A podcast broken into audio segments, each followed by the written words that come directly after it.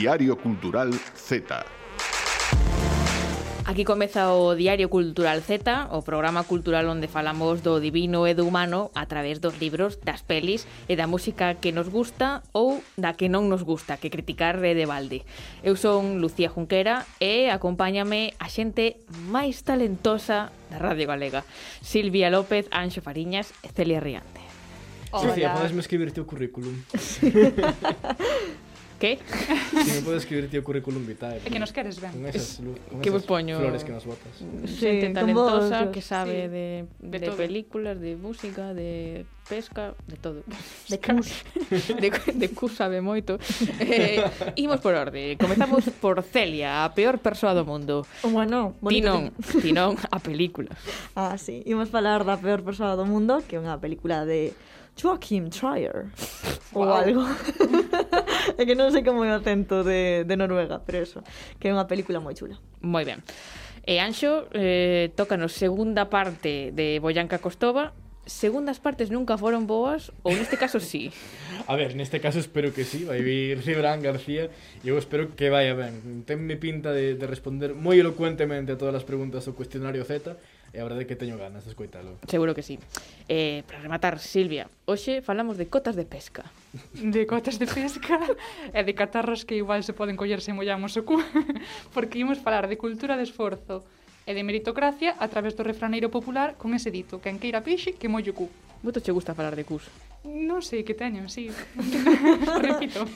Menos mal que, que para compensar todo isto temos aos nosos colaboradores, xente que sabe de cultura de verdade, como Cibran Tenreiro, que nos picará a música de Elba, e Ana Abad, que nos presentará a compañía Meva Deus. Música e comezamos.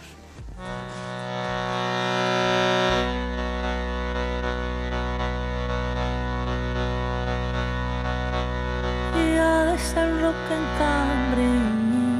tapía do deserto De parola cunha nena Trae o corazón aberto Trae o corazón aberto Ai, elela Saímos na defensa dun colectivo que se atopa prácticamente sen opcións a hora de expor o seu traballo en medios que non sexan os propios. As artistas emerxentes contan cun talento e unha formación que apenas se proxecta cara ao exterior, xa que hai unha falta de facilidades á hora da divulgación que favoreza a súa consagración. O erro comeza dende a educación na que non adoita haber nomes de artistas da terra. Este é un fragmento do Manifesto do Espazo Bretema, a plataforma creada por Sandra Capelo, Marina Loureiro, Jennifer Novoa, Aroa Autón e Tania Dorribo. Hoxe temos no Diario Cultural Z a Sandra, especializada no mundo audiovisual, e a Jennifer, na historia da fotografía. Moi benvidas ao Diario Cultural Z. Hola, que tal? Hola, bo día. Hola. Eh, bueno, temos a dúas, pero Aroa, Marina e Tania completan o equipo e entendo que cada unha sumades a vosa propia experiencia, non, Sandra? Sí, evidentemente, eh, levanos estudar o mesmo camiño, Historia da Arte, pero os gustos e a especialización lévanos a, a crear un conxunto eh, máis diverso. Uh -huh. eh, eh, como xorde un pouco a, a plataforma, a idea, Jennifer? Bueno, pois a verdade é que tiñamos un interese despois de, de acabar a, a nosa formación na, na carreira en Historia da Arte e os nosos mestrados, e tiñamos un interés de, de falar da, da arte que se está producindo aquí na Terra, e, bueno, eh, xuntámonos cunha, cunha idea en común que era eh, falar de, deste colectivo que, que é tan diverso eh, e amplo. Uh -huh.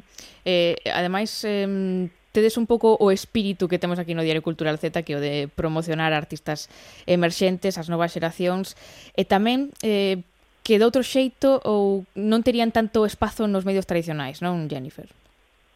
Sí, efectivamente. Bueno, eh, a realidade é que cando eh, tendemos a falar de, de arte galego parece que, que sempre temos como os mismos referentes e eh, a realidade é que eh, actualmente hai un hai moitísima xente a traballar ne, nestas disciplinas eh, que quizáis non están pois eso, introducidos nos, no, neses programas das grandes institucións pero que sí que están creando, que teñen unha traxectoria e que é sumamente interesante.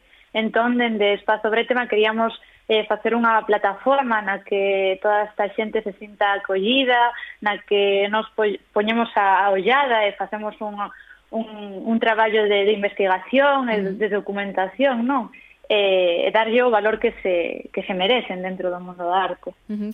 Se miramos un pouco na vosa eh, páxina web, eh, bueno, ainda estades comezando a, a incorporar nomes á plataforma, pero por agora vemos que eh, son maioría mulleres. Non sei, Sandra, se eh, no caso das mulleres é especialmente preocupante pois esa falta de visibilidade. Totalmente de acordo.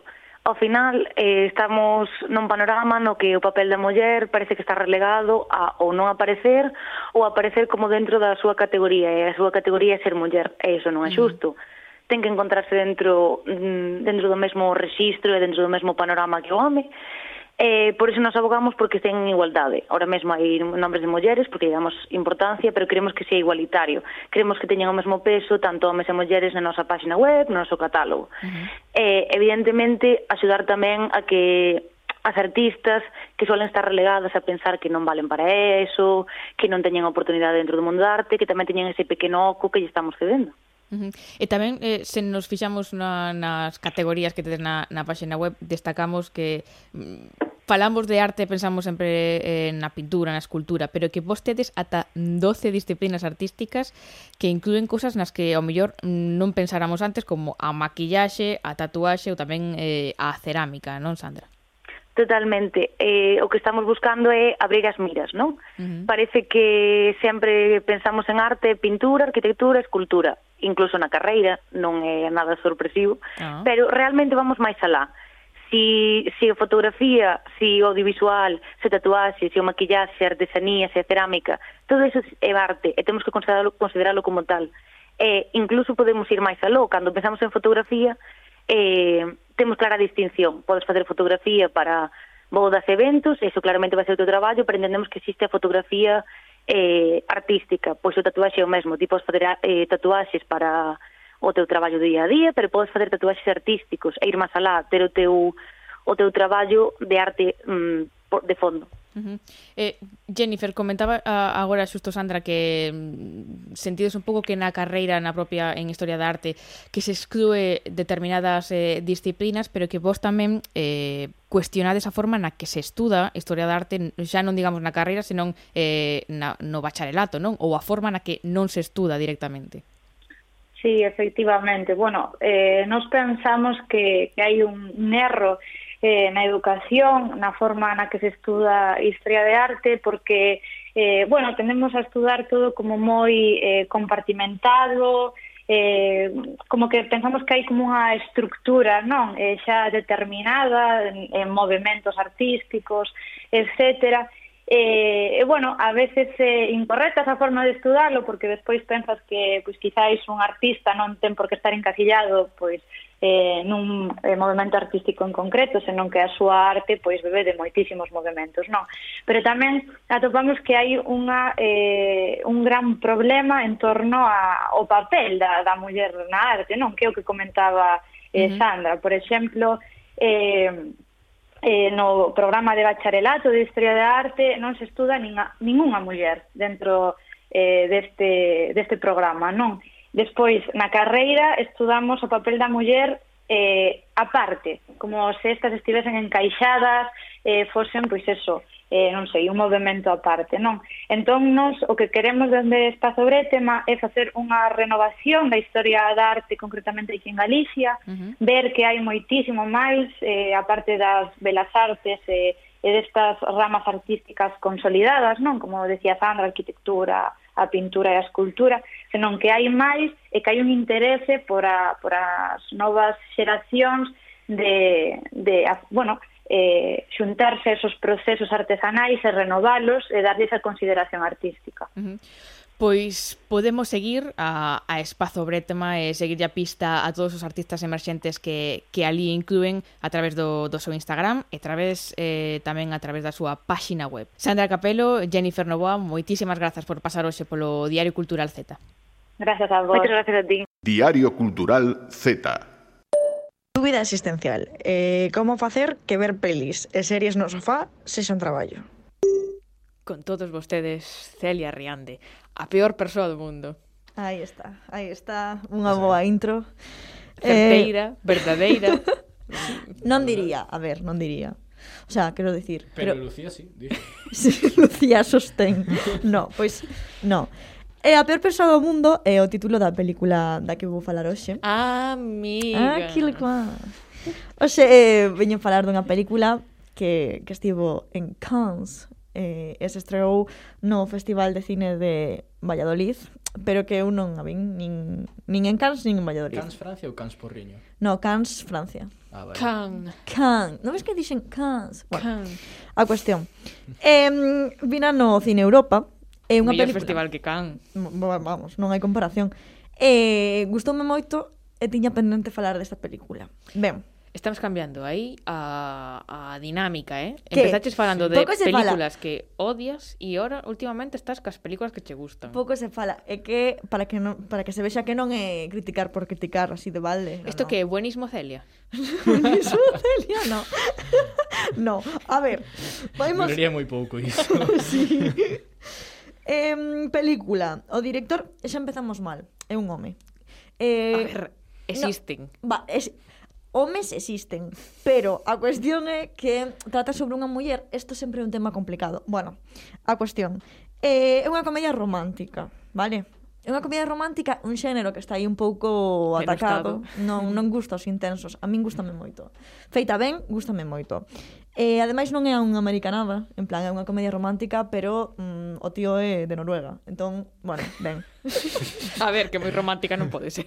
Quero decir, de non Noruega. é unha americanada. Bueno. E chamase Vicente o prota? No. No, no, no, no, no, no.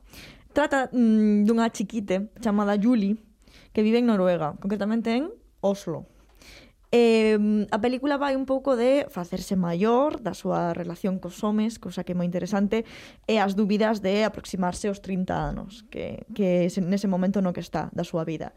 Ten unha estrutura así bastante chula, está dividida en 12 capítulos, como os seus puntos de inflexión na vida e van marcando o seu rumbo.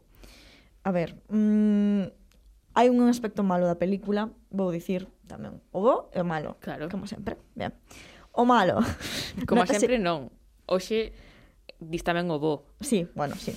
Notase moitísimo que, o per... que a personaxe de Julie está feita por un home. Moitísimo. Moitísimo, porque Vos non vos acordades dese monólogo que eu puxer aquí de Gonger, de as chicas guais, que non sei que... Bueno, pois é rollo eso total. En plan, é unha tía que que moi enrollada, que delgada, pero come comida basura todo o día, que bebe pero non é algo problemático, que é intelixente pero non pedante, que é elegante pero logo é super sexy, o sea, está, notase moitísimo que está feita por un home, o sea, que Joaquín Trayer ou como se pronuncie debeu ser a, o seu o seu prototipo de muller. Mm. E, e bueno, non se ve como unha persoa real nese sentido, quero decir. Está como unha personaxe moi romantizada, vale? E, despois, mm, lado bo da película. É moi graciosa, é super divertida, ten escenas moi bonitas, e ten, sobre todo, moito sentido de humor, porque critica, sobre todo, os homes, cosa que agradezo, pese a estar feita por un home. eh, ten unha relación cun, cun, cun pavo que se chama Axel e Axel é dibuixante dunha banda deseñada nun xornal, pero é moi rollo a banda deseñada políticamente incorrecta, eh, son Ignatius Farrai facendo unha crítica da sociedade. entón... Perdón. Mencionas a Ignatius Farrai por o podcast que non imos mencionar que máis escoita. no, no, porque é moi rollo ese de políticamente incorrecto, pero que en realidade eh, non ten moita profundidade, sabes? Mm. Mais alá de igual eres un pouco misóxino. Bueno, a cuestión. Esta, esta personaxe está moi graciosa porque é unha parodia deste tipo de home eh, e de feito xa dende que o coñece xa di en plan que o único que recordaba que sabía desta persoa antes de coñecela era que vira unha, unha viñeta del e que lle pareceu super machista e xa está, buena cuestión. Despois, que o tío é super pedante é un petardo que flipas e teñen unha relación aí moi intensa eh, que pasa? Que, que non se, o sea, non se romantiza ata o final, que ao final sí que se romantiza. Isto, a ver, os directores das películas, xa o sinto, vou facer spoiler como sempre. Os directores das películas, por favor, se un tío é un tío de merda, o sea, porque así, non lle dedes unha enfermidade e de repente se, se, se romantiza toda a relación eh, e... é verdad, isto pasa moitísimo coa morte en xeral, a morte, as enfermidades, quero decir, podes terlle pues, non sei, un bo recordo, podes querelo igual, pero non quita que el fose claro. un tío que era insoportable, sabes? Diz que, que ao final que, re, que remata ben, Romantizando que un pouco esa relación. Porque el ten unha enfermidade e era dalle pena deixalo. Sí. Eso... Claro, eso é chungo. O sea, non é que lle dea pena deixalo porque xa non están xuntos, pero sí como que romantiza toda a súa relación, eh, logo como que collen esa personaxe que era totalmente un vilán de algún xeito, mm. eh, e de súpeto é un tío fantástico que, que, que tivo mala sorte e ten unha enfermidade. O sea, a ver, tampouco é un tío fantástico de todos os xeitos, aínda que che dé a pena. Bueno, a cuestión. Isto é unha critiquita que non me gusta, non nos gusta eso.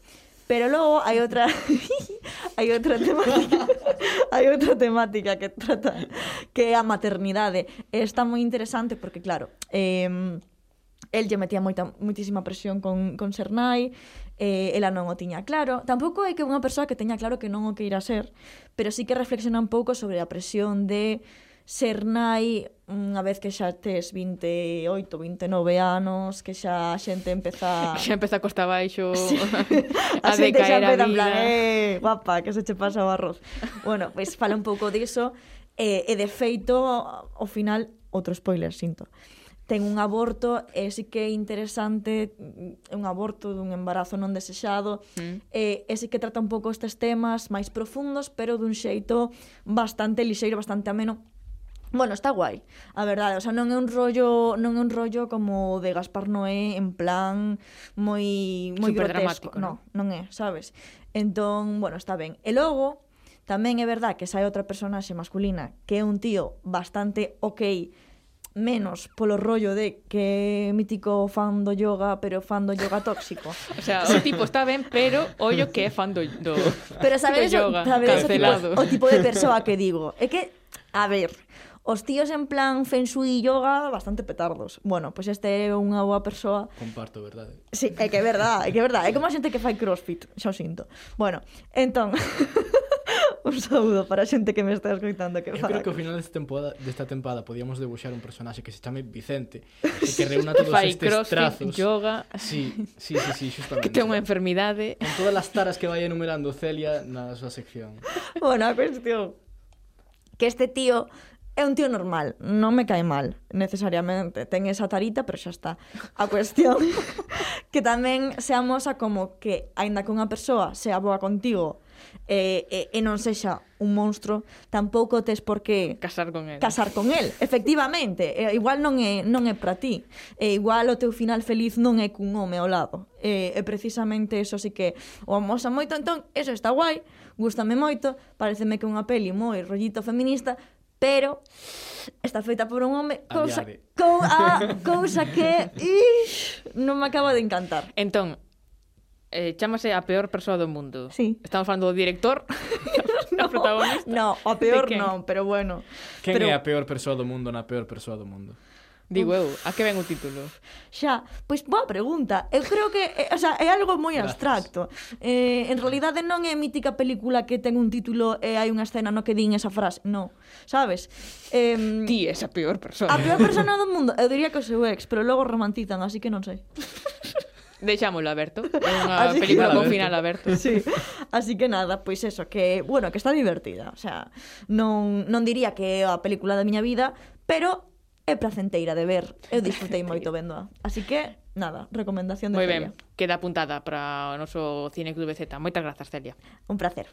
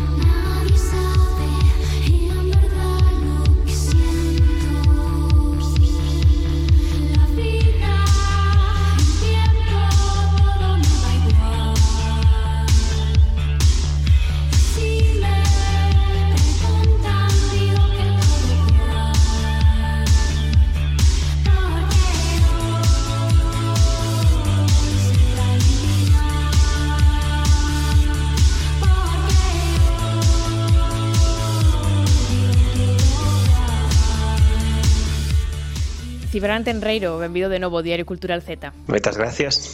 Oxe, pedíxenos explícitamente que prestáramos atención a esta primeira canción, non? A que se debe isto? Sempre hai que prestar atención á música, pero oxe, por algún motivo, máis aínda. Pois sí, mira, eu sempre paso un pouco mal porque aquí, bueno, temos estes 10 minutos máis ou menos, non? E quero que se escoite un pouquinho pasar distintas mal, entón. cancións. Bueno, a ver, facedesmo pasar ben, pero hai unha contrapartida sempre, non? Que ter que axustarse eso a, a, bueno, a uns minutos e tal, que eu aparte non sou unha persona que se caracterice pola mesura, ao falar, nin o facer as cousas, así que entón eh, normalmente pues, teño que conformarme con poñer estes cachiños así de 20 ou 30 segundos, ¿no? pero xe veño a falar de Elba, que é a quen estamos escoitando, especialmente de todo guai, que é esta, a última canción que sacou por agora, e parecíame necesario oír unha volta inteira da letra, non, para entender ben o tema. Enda que se cadra, pois de primeiras poden chamar máis atención ás melodías e os arranxos, porque a min parece unha canción pop estupenda que te vai así arrastrando, onde vai entrando cada cambio, uh -huh. pero pareceme importante centrarse na letra tamén. Non sei se ti xa escoitaras esta canción. Eu a verdade que veño sempre a descubrir cosas contigo. Mm, Pillasme sempre eh, sen ter nin idea. bueno, pois mellor, mellor así eh, facerche de descubridor para eso, sí, non? Sí, eh, sí. Pois é, é o terceiro tema que saca Elba, que publica a súa música co sello La Melona e é o primeiro que saca en castelán despois de dous en inglés. A min é o, o tema que máis me gustou a toda agora, mm. porque me parece moi emocionante como combina entre a letra e a música certa euforia e certa vulnerabilidade, o construirse así alrededor dese todo guai que se di pois un pouco por defecto e que evita ás veces entrar na realidade de, de como nos sentimos. Mm. Entón hai algo máis alá de ese todo vai guai, non?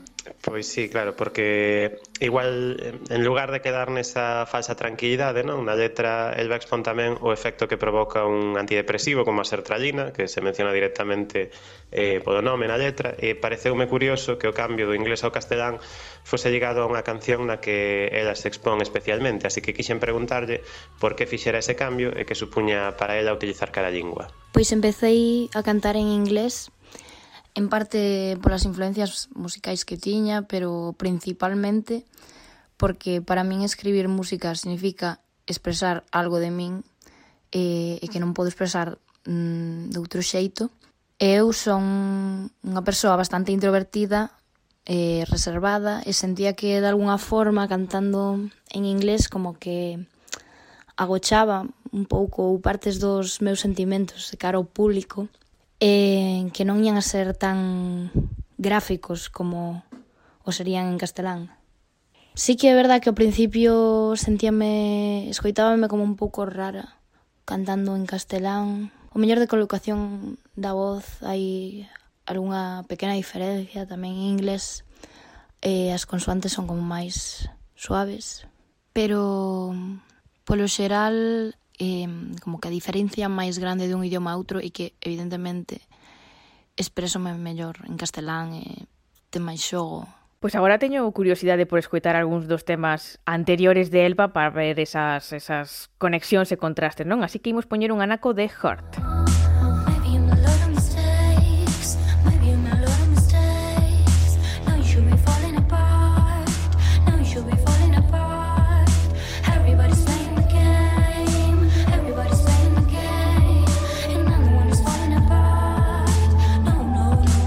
Cibran, ti que, que diferenzas ves entre uns temas e outros de, de Elba, tanto no, no musical como no lírico?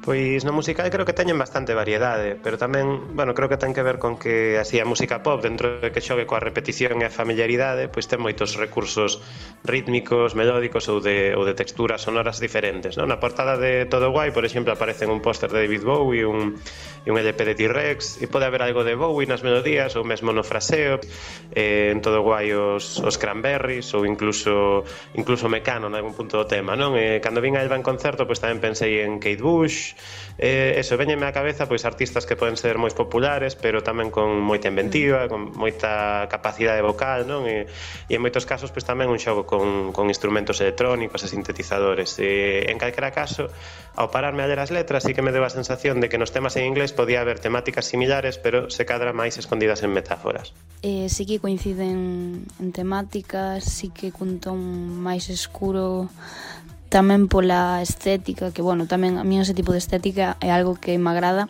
independentemente de que fale de algo super alegre ou non. E, en parte tamén o uso constante de metáforas era tamén como unha vía do que dixen antes de intentar mogochar un pouco os meus sentimentos, de non sentirme a mellor tan exposta. E con este cambio si que me expoño máis, Tamén porque agora me atrevo, atrevome máis a, a falar abertamente da saúde mental e creo que expoñelo é tamén unha forma de que a xente se sinta tamén pois, identificada e de que se deixe de ser como un tema tabú, aínda que cada vez menos. Mm. Sí que é certo que cada vez é menos tabú, non? Está saindo moito a, a saúde mental na, nos temas musicais eh, cada vez que conversamos aquí, non, Cibra? Sí, eu creo que, eh, aínda que evidentemente non é algo exclusivo, non? A saúde mental e quizáis máis en particular a ansiedade, pois é unha temática que ten algo de, de xeracional, non? E se cadra hai unha certa vontade tamén como de transparencia, de compartir, que é común así a moitos proxectos artísticos. Mm. No caso de Elba é certo que o seu enfoque pode ser algo menos directo que en outros casos, pero hai esa vontade de traballar o, o, o tema eh, e os seus, as súas temáticas en xeral en conxunto tamén desde a imaxe nese xogo estético que ela mesma mencionaba antes eh, Pois para min a imaxe é unha parte tamén moi importante do proxecto eh, a nivel de que a toda agora se non gravaba un videoclip non quería sacar os temas soltos como singles. Creo que é unha cousa que complementa eh, moito a música e tamén ao xogar tanto cas metáforas creo que se pode chegar a comprender mellor certas cousas Ademais, eu estou tamén en parte ligada ao audiovisual porque despois da música, pois tal vez sexa o mundo que máis ligada estou. E moitas veces van unidos ata o punto de que o mellor fago unha canción e xa me estou imaginando como creo que sexa a imaxe que acompañe tanto a nivel videoclip eh, como estética, eu que sei, para fotos ou roupa, maquillaxe. Eh, en xeral a dirección de arte é algo que tamén me gusta moito, pero bueno, fundamental para min a música. O que non me gusta tanto son as redes. A día de hoxe, bueno, gusta un pouco menos que antes, pero quizáis eh, se estén volvendo perigosamente exixentes, o mellor, eh, pero tamén me parece unha ferramenta fundamental a día de hoxe. Mm. Eh, É curioso ver como xa hai artistas que pensando nas cancións xa teñen a, as imaxes na cabeza, non? Sí, no, eh, a mí tamén me chama a atención. Eu penso que eso, cando se fai música pop, pois é, ao final é moi complicado trasladar de unha maneira que sexa só sonora, non? Sempre se transmite un relato pois no que están presentes pois desde as portadas dos discos, non? Os vídeos, o vestiario, as redes, a, a maneira de dirixirse ao público, non? Eh, nun caso como de Elba ou de outras artistas que tamén están ligadas ao audiovisual, pois deixa verse aínda máis, non? Eu creo que no seu caso pois hai unha vontade de trasladar unha unha personalidade propia, pero tamén cun xogo que vai un pouco máis allo da, da estética do cotián que poden ter outras artistas, non? E para min, eh, nela, aínda que a maneira de facer teña que ver co do it yourself tamén, e se ocupa de moitas cousas, pois acaba remitindo tamén un pouco a, a certos códigos estéticos ou un traballo estético que ten casi máis que ver coas estrelas do mainstream, non sei. Mm. Pois eh, de aquí recomendamos que botarlle un ollo a eses videoclips de, de Elba, incluso tamén as redes, ainda que non lle gusten tanto, para poder apreciar o, en conxunto o seu traballo eh, antes de que saia algunha novidade, da que non sei se estás enterado, Cibran. Pois bueno, preguntei a Elba e díxome que ten un disco xa musicalmente moi avanzado, pero ben. que por cuestións logísticas lle está levando algo máis de tempo do que pensaba sacalo. Ainda así, supoño que podemos agardar novidades próximamente. Moi ben, pois tamén as agardamos aquí no Diario Cultural Z e Cibran, moitísimas grazas. A vos. Se puiderades preguntarlle calquera cousa a un famoso, que preguntaríades? Anxo Fariñas, parabéns polo teu programa. Que? non me marees, moitas gracias, pero que programa.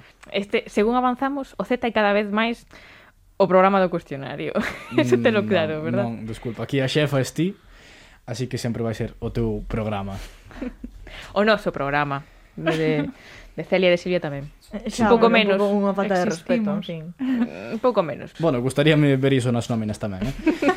pero vale vou reciclar outra vez máis a referencia de que non podería afrontalo para Umbral porque ninguén ven falar do seu libro a non ser que perdese a virxinidade cun audiolibro o cal sería caso de estudio. Esperamos que non sexa o caso de Cibrán García, metade bollanca que estaba. Moi boas, Cibrán. Hola, bons días. Bueno, pois antes de empezar coas miñas preguntas, nosas preguntas, porque aquí a culpa é de todos, Eh, no, no, no, no. Sí. Asume a responsabilidade. Sí, em, sí, o que eu diga. Imos pasar cunha pregunta eh, que lanzou anteriormente, pregunta e consello, que lanzou anteriormente eh, Xoana, que foi a última convidada a este cuestionario e que senta un pouco a tónica mm, para o seguinte. Entón, como queda ela como de culpable primeira, fainos de chivo expiatorio se pasa calquera cousa, pero esperemos que non pase. Imos de dar paso hai que ser natural, non? Non vexo outra cousa, deixarse levar, fluir. Levantar, eso, fluir. E a pregunta... Ah, vale. Ese, ese ¿eh? sorriso de, de malicia. Non sei se podo preguntar, pero bueno. Sí, sí, aquí podes preguntar todo. Fas pis na ducha? boa pregunta, boa pregunta, moi ecolóxica. Claro. Sí. Vas pis na ducha, Cibran. Por favor, evidentemente fago pis na ducha. En plan, eu creo que, que non faga pis na ducha está desperdi... primeiro está desperdiciando auga que é a opción so... ecolóxica eh, eu ia decir eso que non sobra e despois que dá moito gustito porque non tes que solo, solo é deixarse levar deixarse fluir como estaba deixarse fluir o exemplo que, que sentou Mercedes Milá e que nunca deixaremos. Certo. Imos pasar entón xa coas outras preguntas. A primeira, a que preside todos os cuestionarios e que nos parece moi importante para que os nosos convidados se autodefinan. Cal é o teu trazo máis sexy? O meu trazo máis sexy? Sí. De, pero trazo de escritura ou trazo físico, dices? físico eh, ou de eh, personalidade? Ou de personalidade. Sí, sí, sí. Pues, non sei, a mí non me gusta definirme de moito, a verdad. Eu prefiro que a xente me diga a min cal é o meu trazo máis... Vos caldríades que é o meu trazo máis sexy. E eso non vale aquí. Mm, no, no. Ser un pouco attention whore, ese é o teu trazo máis sexy. non, non, pero un trazo, sí, un calquera que digas ti, bueno, pois pues, pois teño, fágome querer. Uf, eu que sei, que son parvo. Eu creo que o, o, o, o que máis se me fai querer, en plan, que son, son parvo e a xente lle fai gracias. bueno, pois pues, o sentido do humor, que sexas gracioso. Todo vai dentro do pack, sentido. en plan, ser, claro. ser parvo ten, incluye ter sentido do humor. Claro. No, que como somos de enxalzar e molo deixar a xente, A xente lista non se ríe normalmente. Eso é que... verdad. Ten menos sentido. Eu o digo, so, eu se lo digo. Vale, eu río me moito. O sea, Vale. Pois pues, xa, está, xa, xa está, xa está. Vale, eh, non pensaba que, que me fora sen, sair o tiro pola culata con isto, verdade? Pero a que lugar eh, levarías a, a unha persoa para impresionala nunha primeira cita? Nunha primeira cita? Vale calquer sitio? Calquer sitio. Joder, que son preguntas moi complicadas, eh? Estas non me esperaba que foran unhas preguntas de pensar tanto, en realidad. Eu que sei. A donde a podría levar? Non sei, a casa dos meus pais non, eso seguro. Bueno, eh... bo, bo vale. descarte. mm, non sei, paso palabra, a seguinte. Eh... a primeiro lugar que este corra. Ao sitio no que este eu. Eso é importante. E se estás que, que no baño? Vaya, se, se a montaña non vai se estou. Se estou no baño, pois, pues, pues, se a cita no baño, pois pues, xa está. Non é moi romántico. bueno, non ten por que ser romántico tampouco. eh, certo, eh? Pasamos. Tres imprescindibles no kit dun, dun cantante galego? eh, imprescindibles Claro, que tedes que facer as preguntas un pouco máis concretas Porque Anxo, tres, a tres, ver. tres imprescindibles en cuanto a qué En canto a calquera cousa, en quero dicir. Cousa. Aquí tivemos, eh, por exemplo, Ortigo creo que dixera un micro, eh, Oxana tamén dixo un micro, pero despois Nuno Pico creo que dixera mm, melancolía ou algo así. A mí o sea, un micro, a verdade que, o sea, está ben, pero tampouco eu prefiro, non sei, en plan, unhas cervezas, por exemplo. Eh, que máis prefiro? Home, mi caixa xente, ser posible. Vale. Sempre está ben. Cantar solo. Ou senón, unha ducha. Unha ducha está ben tamén. Para un cantante está moi ben.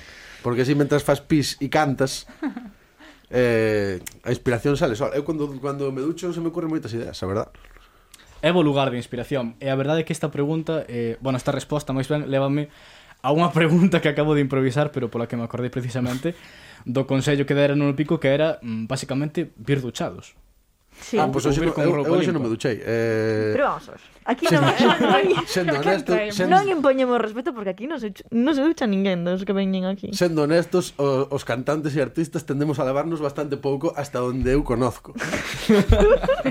o sea que, se si vos vedes a alguén que canta, o máis probable é que estés sin duchar. É que lle cante tamén o sobaco. Sí. Ah. Ademais, ademais, sendo vos totalmente sinceros, eh, onte me emborrachei un pouco, entonces me despertei con pouco tempo para prepararme e tiña que decidir entre desayunar ou ducharme. Entonces, pues, pues almorzar é eh, obrigado.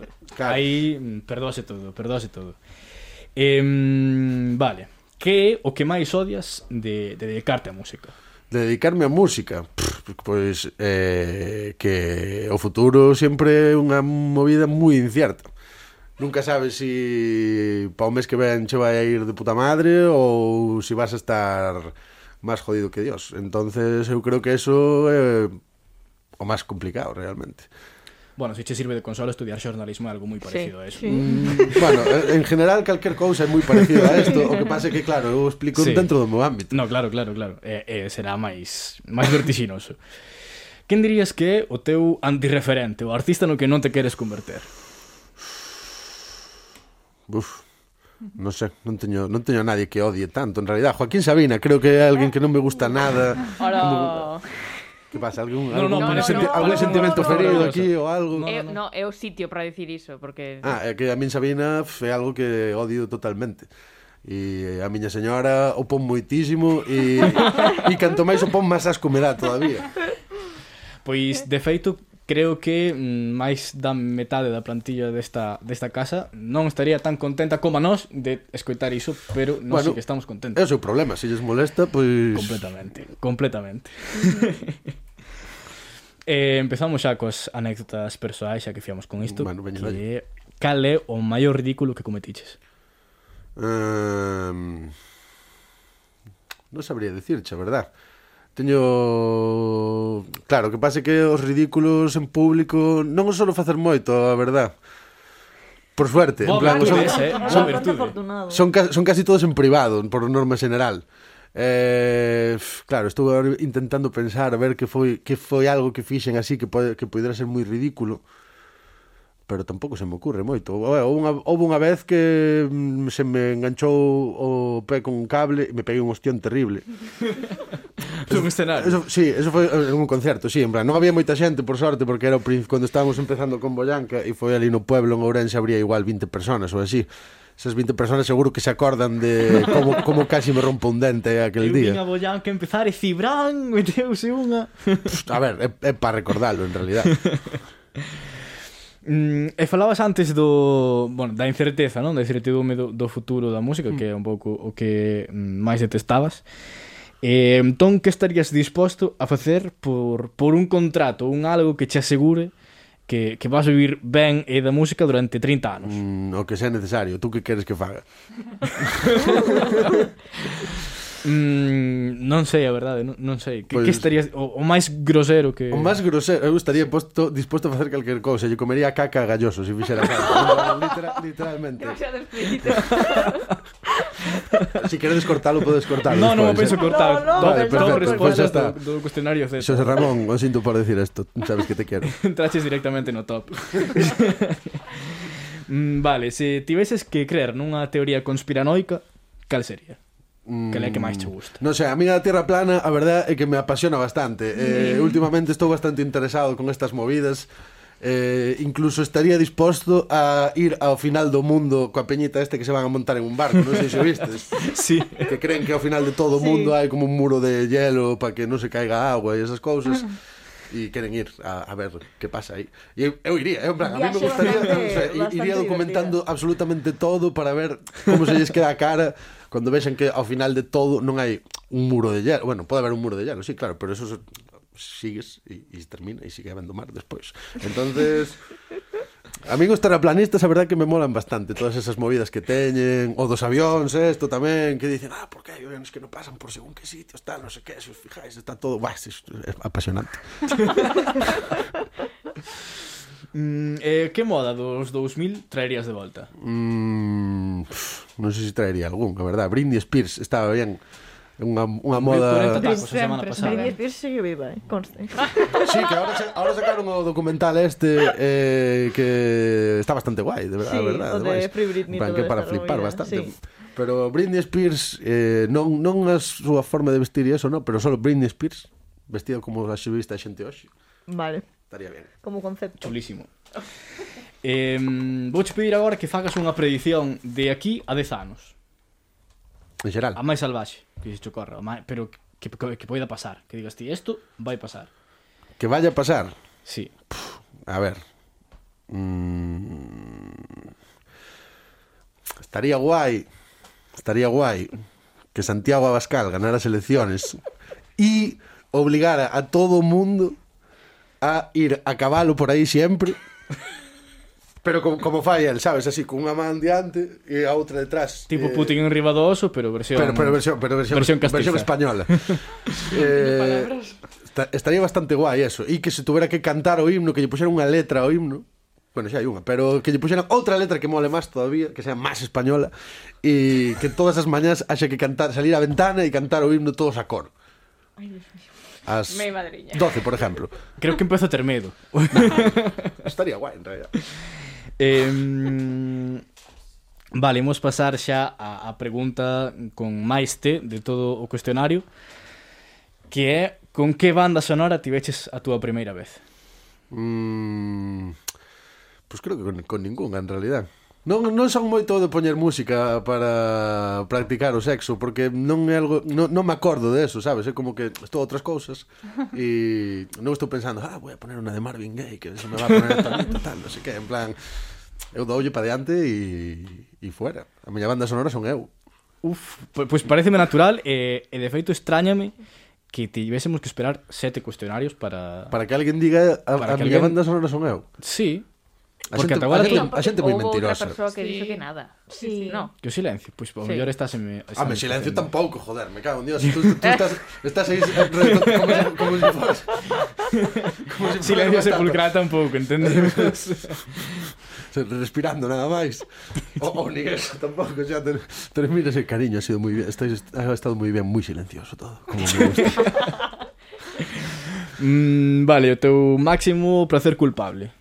Mm, eu non, non creo que teña ningún placer culpable, eu non me culpo por nada, o sea, me, me gusta todo o que fago, en plan, si, si, si, si está mal e sei que está mal, digo, bueno, pois pues, sei que vamos a facer. Eh, libre de vida, culpas, sí, libre de culpas. En plan, de cáncer vamos morrer todos, o sea que... visto, visto.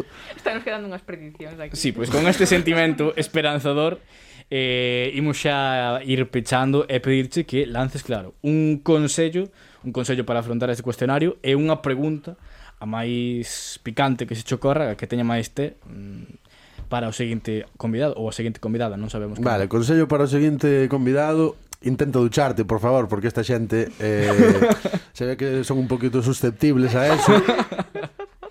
E a pregunta sería, tú cando te duchas, eh, te lavas todo o corpo con champú ou eres desa xente que se bota o champú, se quita o champú e despois se bota gel e despois se quita o gel e se sale da ducha? Esa é a pregunta. Perfecto, pois entón imos despedir con esta pregunta para o ou a seguinte convidado a e nada, despedimos con Diego Tristán, imos despedir porque é un temazo e que me gusta moito de Boyanca, a verdade Mm, e nada, moitísimas grazas Cibran por, Nada, gracias por a vos por aquí. invitarme. Ojalá hubiera máis programas así de que puderas decir sus normalidades, que é o que me gusta. Vos dixen, eu son parvo, a mí me gustan estas cousas. Pois nada, convidadísimo para sempre. Moitas grazas, Cibran. Gracias a vos. El entrenador pues tiene otra filosofía, vino con, con unas ideas que, que tampoco las entiendo, ¿no? Porque hace un año pues era Diego y 10 más y seis meses después pues ya no era nadie, o sea que... Teño calidad como Diego Tristán Botar de entrenar como Diego Tristán La barra do bar como Diego Tristán Como Diego Tristán, como Diego Tristán Son un puto crack como Diego Tristán Veño de underground como Diego Tristán Podería estar no top ten Pero mólame máis vaciar botellas de champán Diego Tristán, Diego Tristán Diego Tristán, como Diego Tristán Diego Tristán, Diego Tristán Como Diego Tristán, como Diego Tristán Diego Tristán, Diego Tristán Diego Tristán, como Diego Tristán Como Diego Tristán,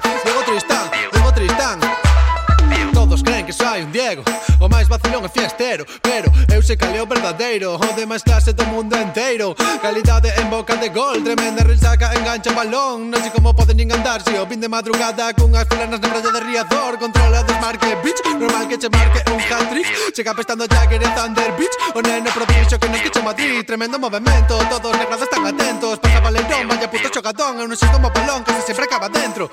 Este tío sí que ten talento No palco do honor, sonríe lendoiro Este no pichichi e bota de ouro Campeóns de liga conseguimos no vestuario vomitando antes do partido. Como Diego Tristán. Como Diego Tristán. Como Diego Tristán. Como Diego Tristán. Tiene calidad como Diego Tristán. Contra de entrenar como Diego Tristán. Diario Cultural Z.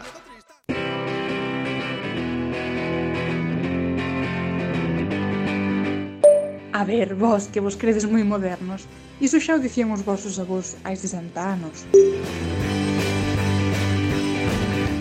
Silvia López López. Está la collendo de costume. Ai, Silvia López López. Chamaste así. Chamo, eso me di, Punto. pero...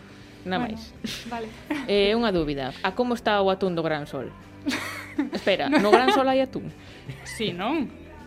Cre... Bueno, sí, bonito. Son de interior. Bonito e atún a mesma cousa ou cousas distintas? distintas. Son de interior. Son distintas. Inciso. Sigue ti, porque eu eh, de peixe sei pouco. Se queres de peixe, interior. Mullo cu, non?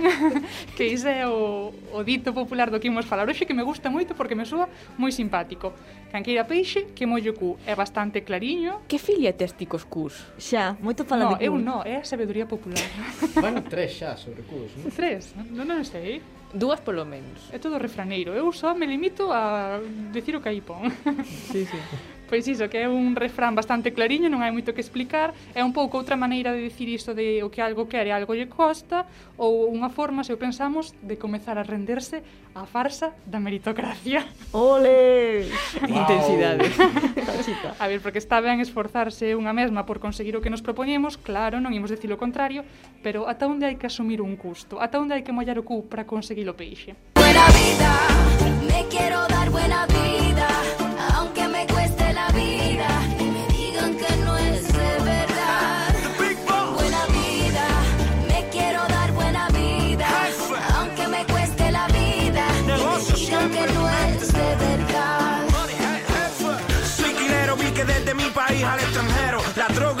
hace dinero. Suplidor de una fina mercancía. En mi nómina está los políticos y la policía. Aquí hai dous bandos, Lucía abrindo os ollos como a pratos e Celia e Anxo perreando. Quero saber a justificación de meterme aquí a Daddy Yankee. Sempre está justificado. Non empecemos co elitismo.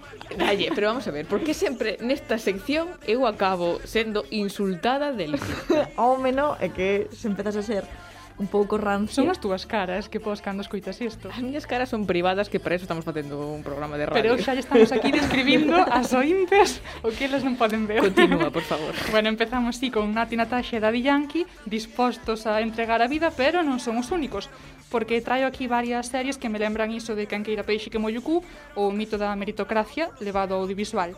A primeira desas series teño que dicir que son moi fan e sei que Anxo tamén, que é The Good Place. Ah. Sí. Confirmas. Pero que ten que ver con meritocracia, liaime aquí.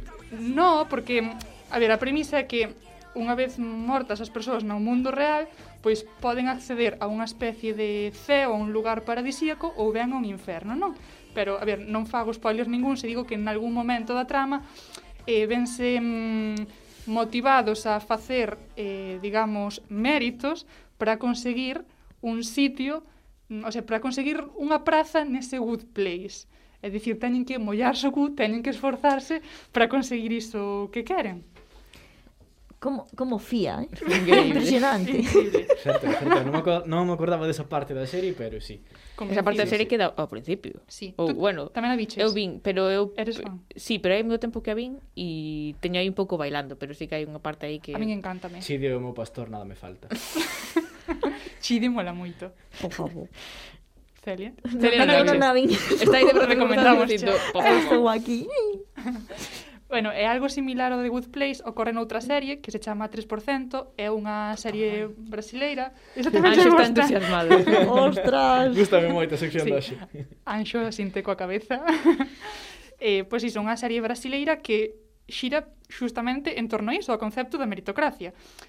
É dicir, do total da población, do 100% da población, o 97% vive nunha zona abandonada, pobre, en favelas, na miseria, vaya. E só o 3% pode pasar a alta mar, que é como un lugar magnífico, idílico, un paraíso no que todo vai ben, todo é cor de rosa, non? Imos falar da muller máis importante de España. ¿Cómo? No, perdón. ¿Qué? Oiches rosa. Iba por aí. Que rosa? Que? No, no. Falando da meritocracia e de non sei que, estou me acordando da muller máis importante deste noso país. Apanto este noso país, eh? saiu aí un medio latín. Quen é? E que eu non sei se si me van votar aquí, Marta Ortega. Mira que dobrou camisetas esa muller, eh? Uf.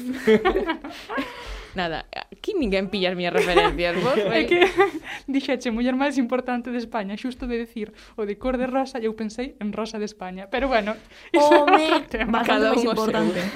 bueno, sigo explicando de 3%. O caso, cae esas dúas partes, eh, a unha só pode hacer o 3% da poboación, non? Pero para conseguilo teñen que superar unha serie de probas e contar co mérito necesario para ter a praza nese sitio de novo, é dicir, teñen que mm, demostrar os seus méritos para conseguir esa sociedade de benestar. Non vale calquera pragui, non? Así que para conseguir iso terán que facer de todo, incluso mollar o cu ou cousas peores. Pero volvemos coas cancións para falar agora das consecuencias de creer e de asumir ese concepto de meritocracia como progreso social, porque sí, é unha mentira, amigas, é daquela que nos espera Pois a eterna aspiración. Cántano o Saspencat. Revolució d'una generació esclava de l'eterna aspiració préstecs de misèria sense amortització auguren una vida sense forma ni funció i traurem la paleta i pintarem les estrelles visionaris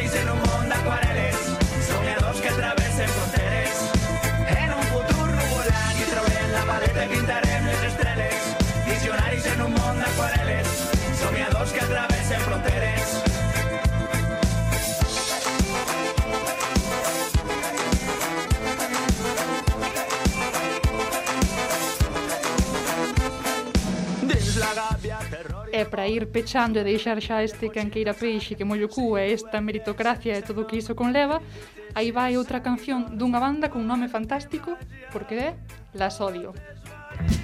Yo me esforzo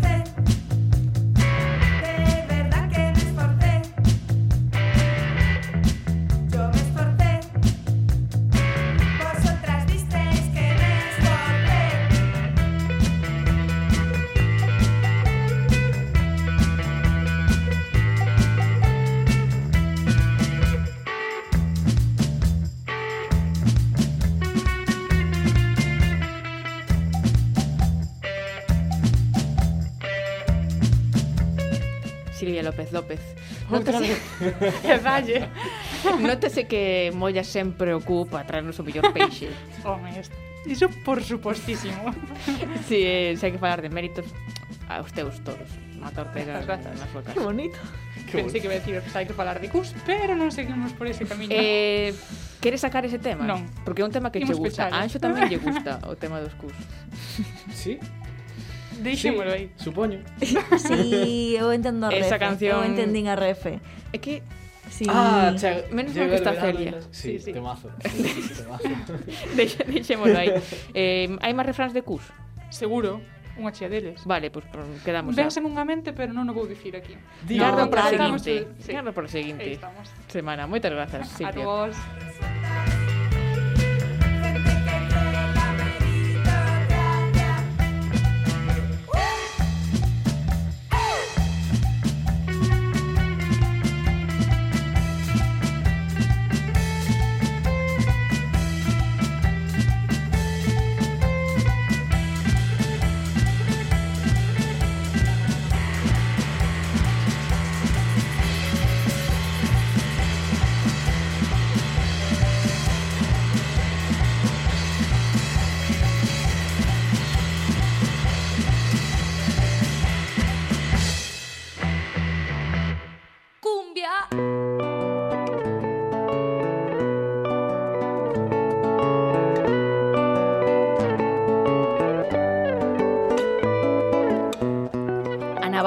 vida de novo Diario Cultural Z.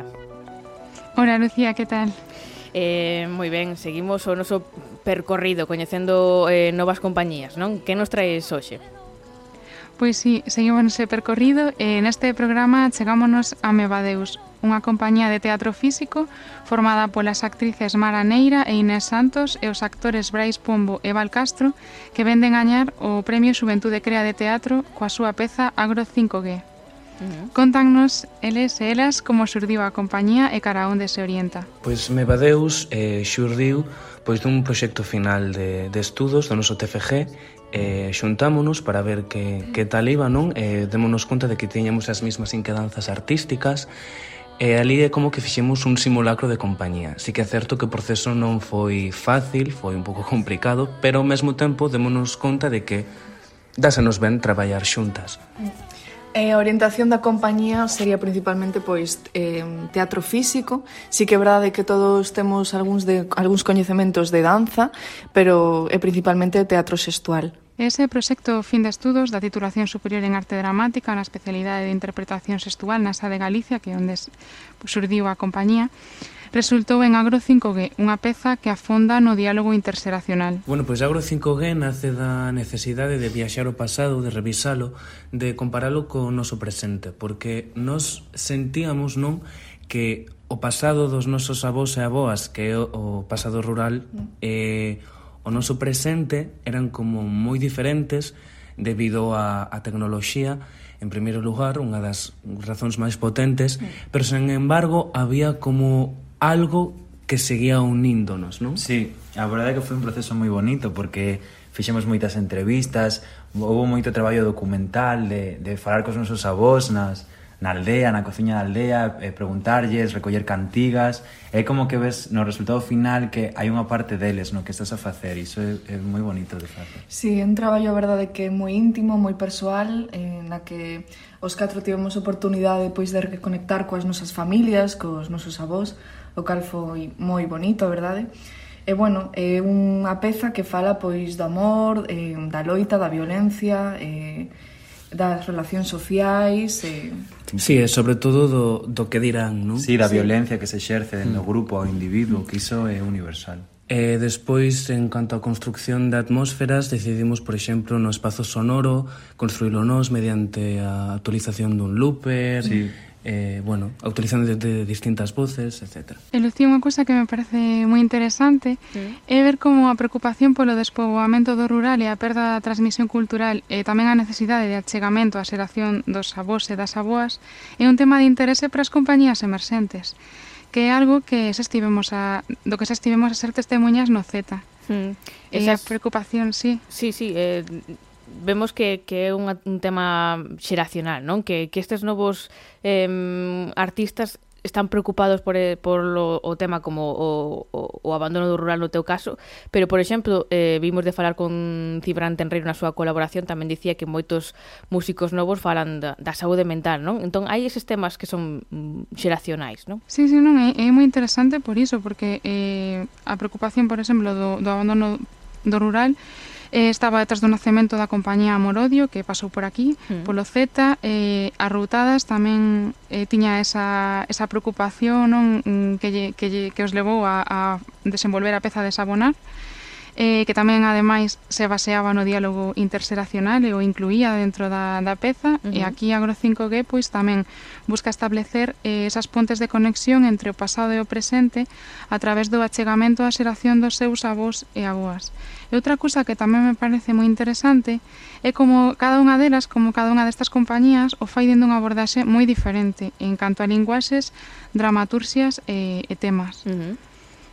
E despois tamén, eh, volvéndose a, a Agro 5G, eh, a peza esta, que ven de gañar o primeiro premio da Xuventude Crea na categoría de, de teatro, tamén podemos facer unha paréntese pois, para enlazalo con outra compañía que tamén pasou por aquí, polo Z, que é Xebra, mm. que gañou o terceiro posto no certame. E que o Z por irremediablemente soa. Ou, sí, sí, sí, ou son sí. os traes os mellores, que iso tamén conta. non, a verdade é que todas as compañías pois están a facer cousas moi interesantes, entón tamén é moi pareceme non ben de rescatar, non, ou ir actualizando, non, a información, facendo un seguimento, non, pero todas a verdade é que están a facer cousas moi moi interesantes. Entón, pois mandamos os, os parabéns a, a Xebra tamén. Por suposto E, e volvendo a, a meu adeus, agora sí, pois para eles e elas obter este galardón supón un pulo moi importante de cara á profesionalización da compañía, tanto polo recoñecemento e a confianza que isto lle supuxo, para, para seguir adiante como pola dotación económica. Para a nosa compañía gañar o primeiro premio da Xuventude Crea de Teatro foi un gran impulso a diferentes niveis, non? Primeiro a nivel de confianza, xa que Agro 5G foi a nosa primeira creación escénica como grupo, isto premia pois a todas as horas invertidas tanto das actrices como dos actores, das escenógrafas, das técnicas, E despois tamén foi eh, un gran impulso a nivel económico, xa que profesionalizar o traballo tamén require invertir e este premio danos un colchón económico co que impulsarnos realmente. E despois tamén deunos certa confianza a nivel comunicativo, xa que consideramos que a mensaxe, a alma que queríamos transmitir, eh, chegou aos espectadores e os espectadores.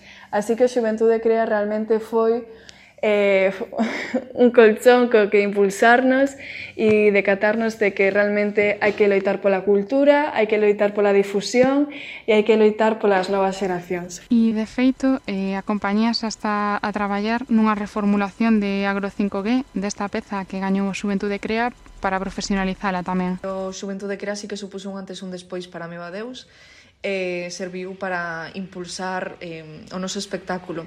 Agora mesmo estamos na procura de, de un cambio de, bueno, no tra, traballando en outro nos, que vais a chamar así o noso novo espectáculo que parte da dramaturxia de Agro 5G. Sí, ao final nós non somos eh, dramaturgos nin dramaturgas, polo que ao a realizar este TFG, este traballo final de estudos, vímonos abocados a, a tomar esa posición pero non somos conscientes da, das carencias dramatúrxicas que ten un espectáculo. Sí, entón Agro 5G o que foi foi un traballo académico que acabou, aparte acabou gañando o primeiro premio de Xuventude Crea, foi o mellor final que sí. pudiéramos esperar. sí, é verdad que sí. E agora no que estamos intentando organizar unha xira no segundo semestre de 2022 para outrora, nos que é a evolución profesional do que foi o, o traballo académico. Sí, e para este con esta nova fase do proxecto, non? Contamos ca, ca directora dramaturga Alba, Villar. Así que, Lucía, pues estaremos moi atentas aquí no Z, a estrea de Outrora Nos, o ano sí. que ven, esa evolución profesional de Agro 5G con dirección e dramaturxia de Alba Villar. E para rematar, como xa ven sendo habitual, quixen preguntarlles polo nome da compañía. Bueno, pois a verdad que o proceso de búsqueda do nome de Mevadeus foi un pouco complexo, costounos bastante, pero buscando, buscando e atopando e probando distintos nomes, vimos como que Mevadeus era o que máis se, se achegaba a, a nosa personalidade creativa común, non? Sí, nós estábamos intentando acadar un nome que representase bueno, o, o máis preto ou con exactitude en a personalidade artística das catro, o cal eso é bastante complicado porque como, vale, como resumimos as nosas personalidades artísticas, eh, o noso carácter creativo mm. nun nome, entón. Tamén entendemos que tampouco era necesario que un nome definira a exactitude porque era imposible, pero sí que por probando moitas palabras, moitas sonaban moi ben, pero víamos que había algo que non funcionaba. E chegou un Mevadeus dunha, un pouco de casualidade e si que os catro dixemos carai, isto, isto sí que ten algo de relación. E decidimos quedar con Mevadeus. Sí, como que ten ese, ese carácter como de teatro ritual, de... Sí de ceremonioso, sí. sí. Ao final é un xogo de palabras tamén que xurdiu e, e bueno, aí se quedou. Mebadeus, Mebadeus, grandes historias detrás dos, dos nomes que, que nos traes, Ana. Eh, e así, por Mevadeus, pois podemos eh, atopar esta nova compañía en Instagram e seguir todo o que fagan, as súas novidades. Tamén estamos aí eh, á espera de outro nos. Eh, Ana Abad, moitísimas grazas, como sempre. Moitas grazas, Lucía.